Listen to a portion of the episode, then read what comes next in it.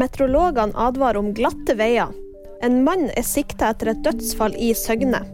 Og Kate Winslet donerte 200 000 til en familie. Meteorologene advarer om glatte veier. Yr.no har sendt ut gult farevarsel for glatte veier i Trøndelag og på Helgeland.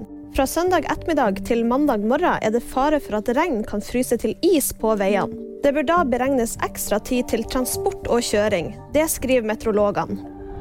En mann i 30-årene er sikta etter et dødsfall i Søgne. Søndag formiddag rykka politiet i Agder ut med fire bevæpnede patruljer til en adresse i Søgne, etter at de fikk inn et tips.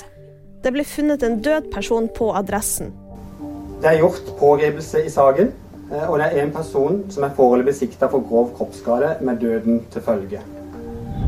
Skuespiller Kate Winslet dekka en regning for en kvinne som fikk en strømregning på 200 000 kroner. Årsaken for den høye strømregninga var medisinsk utstyr som datteren til kvinnen behøvde for å puste, grunnet en kronisk sykdom. Det ble da oppretta en spleis for familien, og noen dager etter hadde Kate Winslet donert 200 000 kroner.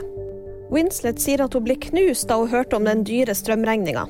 Og VG-nyheter det fikk du av meg, Live Auskar.